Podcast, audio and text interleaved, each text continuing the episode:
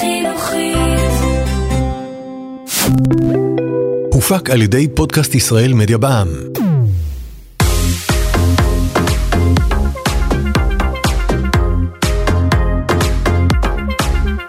שוות להכיר.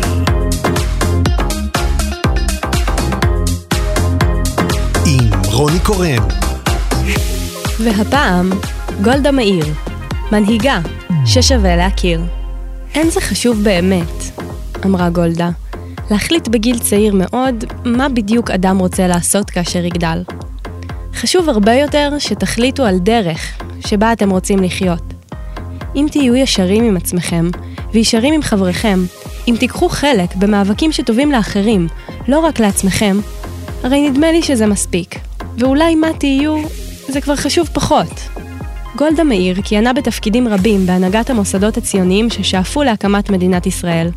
לאחר קום המדינה, הייתה גולדה מאיר ראשת ממשלת ישראל הרביעית, והנהיגה את ישראל בתקופות מלחמת ההתשה ובמלחמת יום כיפור.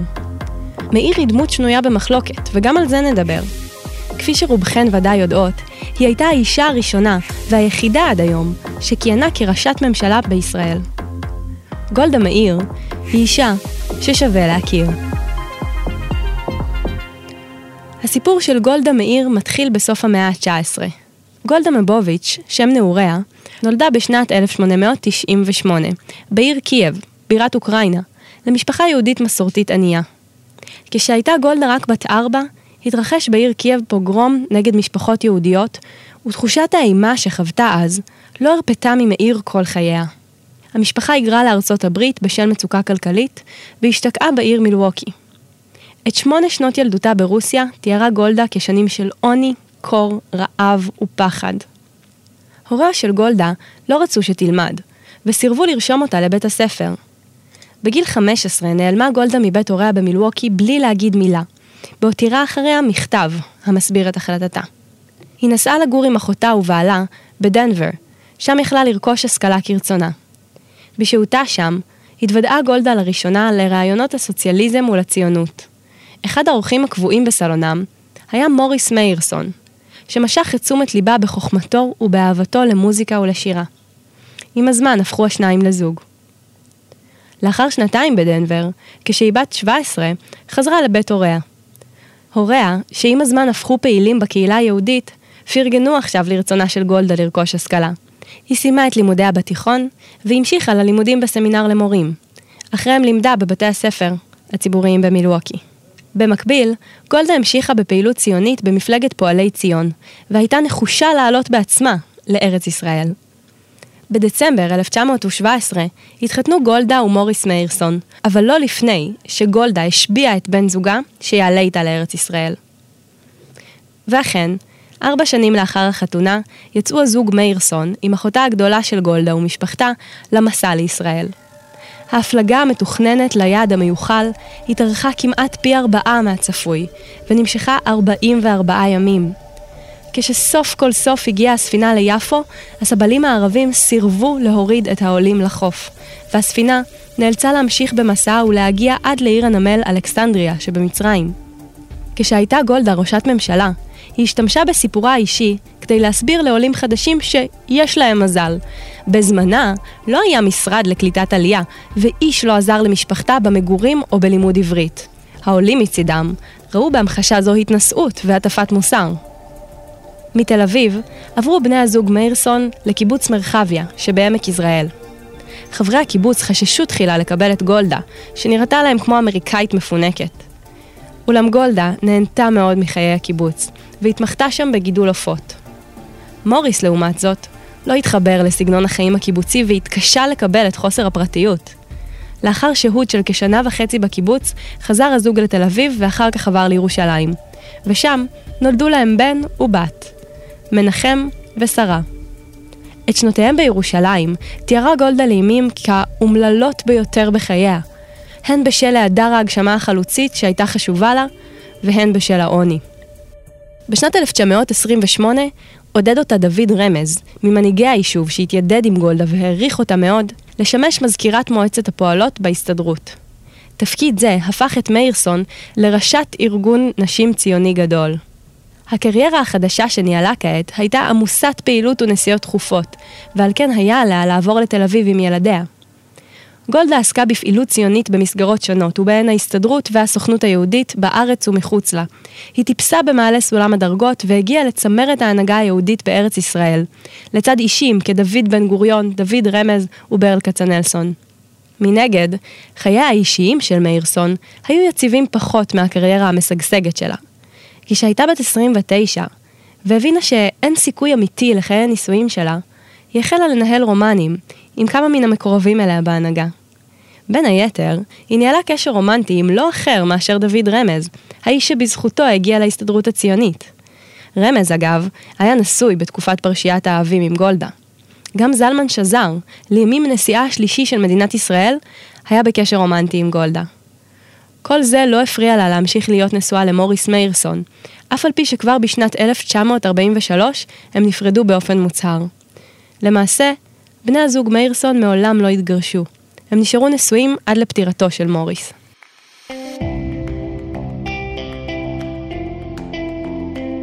ה' באייר תש"ח, 14 במאי 1948.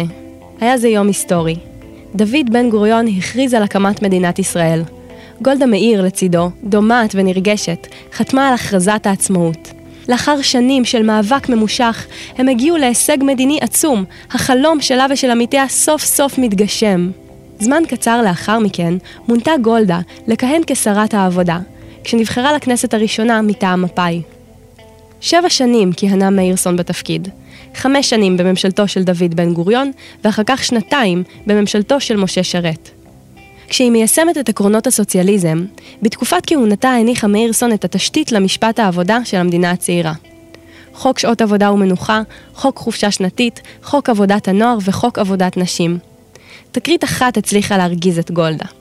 היה זה בשנת 1955, כאשר עודדה אותה מפלגת מפא"י להתמודד כמועמדת מטעמה לראשות עיריית תל אביב-יפו, מול מועמד הציונים הכלליים, חיים לבנון.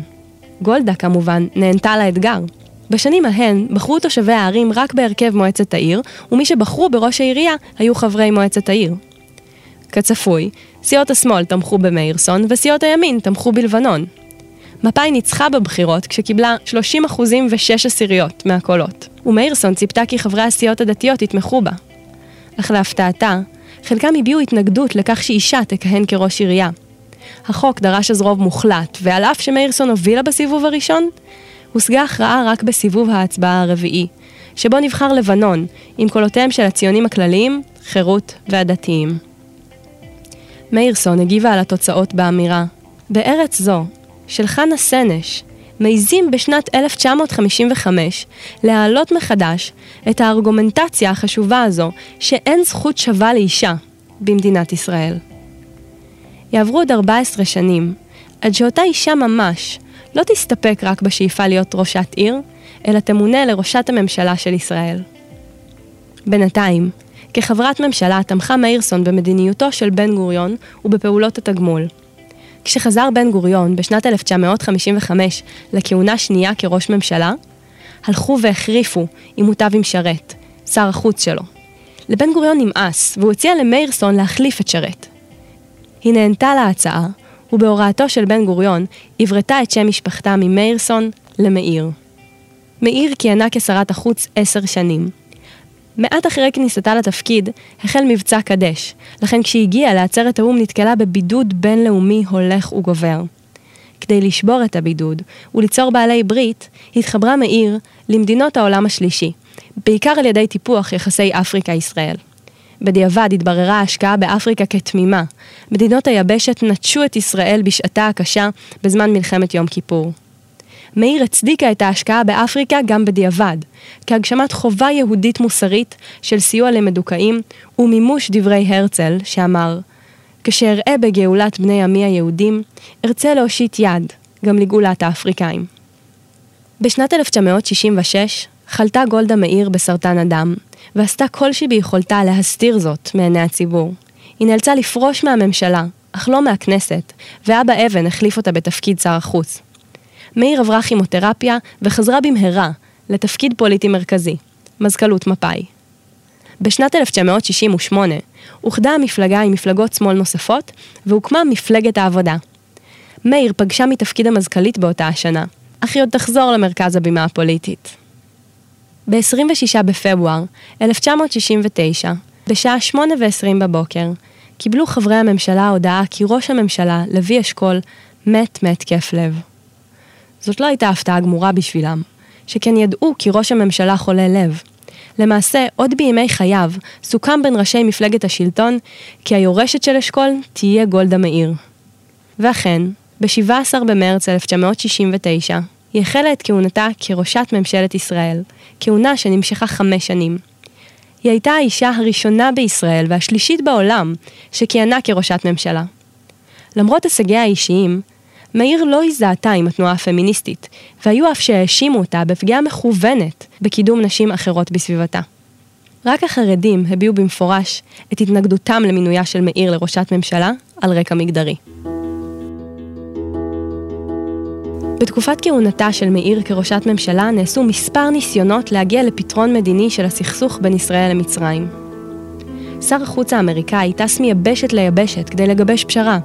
מזכיר האו"ם הגיש הצעה לתוכנית שלום בין שתי המדינות האויבות. אך למרות זאת, הפערים בין דרישות שתי המדינות היו גדולים. מאיר פקפקה בנכונות המצרים להגיע לפשרה, והצהירה כי שר החוץ האמריקאי תמים מדי לטעמה, כמו ג'נטלמנים רבים אחרים, הוא הניח בטעות שכל העולם כולו מורכב מג'נטלמנים כמוהו. יש התולים בפקפוקיה של מאיר את האשמה בפרוץ מלחמת יום כיפור. בחודשים הבאים זרמו התראות על מלחמה מתקרבת. חוסיין, מלך ירדן, נפגש עם מאיר מספר פעמים, וככל הנראה התריע בפגישות אלה על מלחמה. גולדה התייעצה עם שר הביטחון משה דיין, והוא ניסה להרגיע את חששה.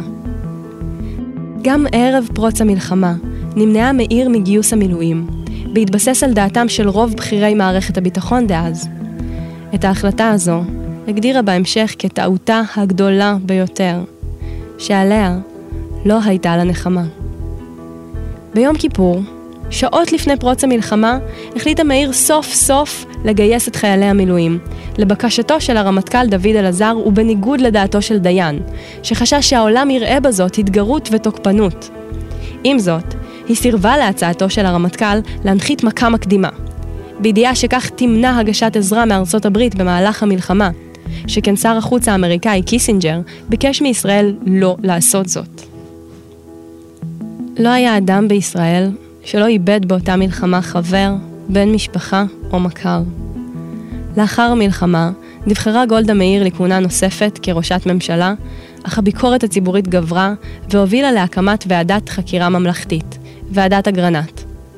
הוועדה נקטה את הדרג המדיני מאשמה וקבעה שמאיר פעלה בצורה שקולה ושהחלטותיה היו נכונות. לאחר פרסום הדוח, התפטר הרמטכ"ל דוד אלעזר על רקע העובדה שהוועדה לא המליצה על סנקציות כלשהן נגד הדרג המדיני. מאיר איבדה את אמון מפלגתה. באפריל 1974, חודש בלבד לאחר שהקימה את ממשלתה, הגישה גולדה מאיר את התפטרותה מתפקיד ראשת הממשלה. היא הייתה מותשת. המלחמה והביקורת שהוטחה בה בעקבותיה, ותחושת האשמה שחשה בשל מותם של החיילים במלחמה, בשילוב מצבה הגופני הרעוע, שברו אותה, עד כדי כך שחשבה לשים קץ לחייה. מאיר הספיקה לחתום על הסכם הפרדת הכוחות עם מצרים, שהוביל להסכם הביניים ובהמשך להסכם השלום, וכן על הסכם הפרדת הכוחות עם סוריה, ההסכם האחרון שנחתם עימה עד היום.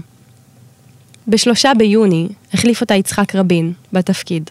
ארבע שנים לאחר פרישתה, גבר על מאיר סרטן הדם שבו נאבקה במשך שנים.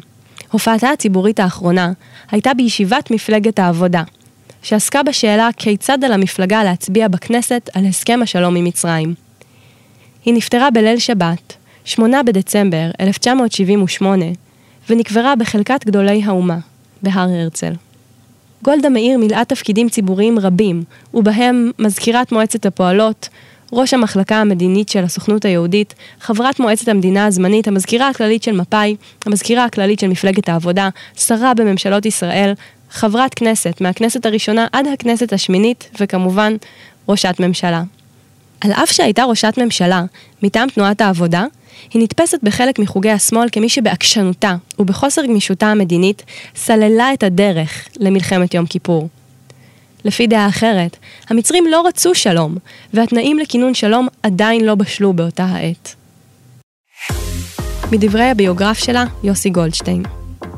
את הסיבה להבדל הדרמטי שבין דימויה הכושל של גולדה בעיני הציבור בשלושים השנים האחרונות, לבין הצלחתה המזהירה לאורך עשרות שנים, צריך לחפש כנראה בפסיכולוגיה של הזיכרון הקולקטיבי הישראלי. בקביעה המושתתת על חקר ההיסטוריה בלבד, נמצא שגולדה מאיר הייתה אחת האישים החשובים ביותר בתולדות מדינת ישראל בראשיתה.